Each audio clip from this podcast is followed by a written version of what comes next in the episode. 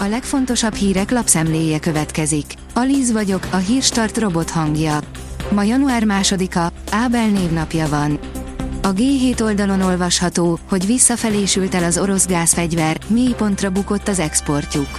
A szállítások korlátozása az orosz stratégia része volt, de az alacsonyabb gázárak mellett már felvetették az egyik leállított vezeték újraindítását. A 444.hu oldalon olvasható, hogy havi 5,3 millió forint a villanyszámlája a Mészároshoz és Tiborchoz köthető Kiskumhalasi járványkórháznak, pedig egy éve nem is működik. Nem tudni, meddig tervezik még fenntartani, de azt sem, hogy miért kellett egyáltalán bezárni.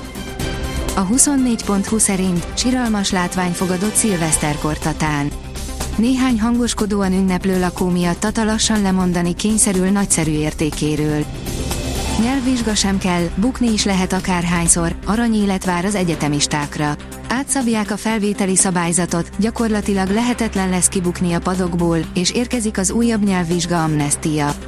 Lesz változás idén is a felsőoktatásban, írja a napi.hu. A vg.hu szerint örjöngenek a Donetszki veszteség miatt az orosz bloggerek. Az ukránok újévi támadásában Moszkva szerint nem 400, hanem 63 katona vesztette életét. A portfólió írja, komoly bajba kerülhetett volna az ukrán haderő, de szép csendben megoldódott az egyik legégetőbb probléma.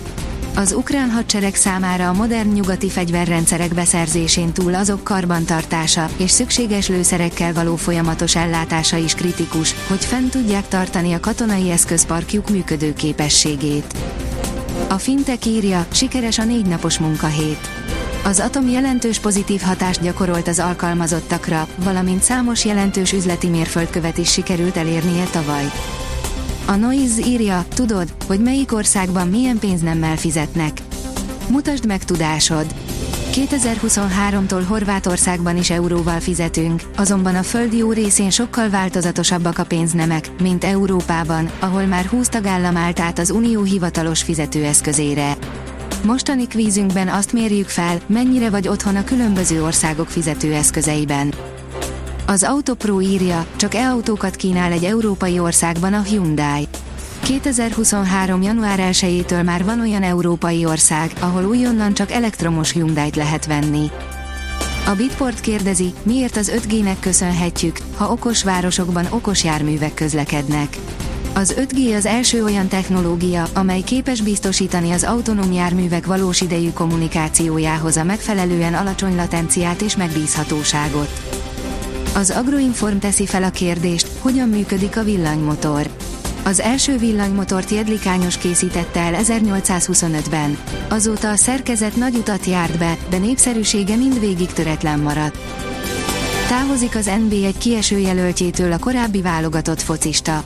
Április óta nem játszott sérülése miatt, és már nem is fog, legalábbis a Honvédban, írja a rangadó. Pelé koporsója megérkezett a Santosi stadionba, ezrek róják le tiszteletüket. Megérkezett az FC Santos stadionjába a 82 évesen elhunyt háromszoros világbajnok labdarúgó, Pelé koporsója, amely 24 óráig marad az Egyesület stadionjának játékterén, hogy a szurkolók lerúhassák tiszteletüket a legenda emléke előtt, áll az Eurosport cikkében. Kitart a szokatlanul enyhe idő, írja a kiderül. Bár a következő napokban mérséklődik a meleg, a megszokottnál így is enyhébb időben lesz részünk. A hétleg végén ugyanakkor nagyobb területen fagyhat éjszaka. A Hírstart friss lapszemléjét hallotta. Ha még több hírt szeretne hallani, kérjük, látogassa meg a podcast.hírstart.hu oldalunkat, vagy keressen minket a Spotify csatornánkon, ahol kérjük, értékelje csatornánkat 5 csillagra. Az elhangzott hírek teljes terjedelemben elérhetőek weboldalunkon is. Köszönjük, hogy minket hallgatott!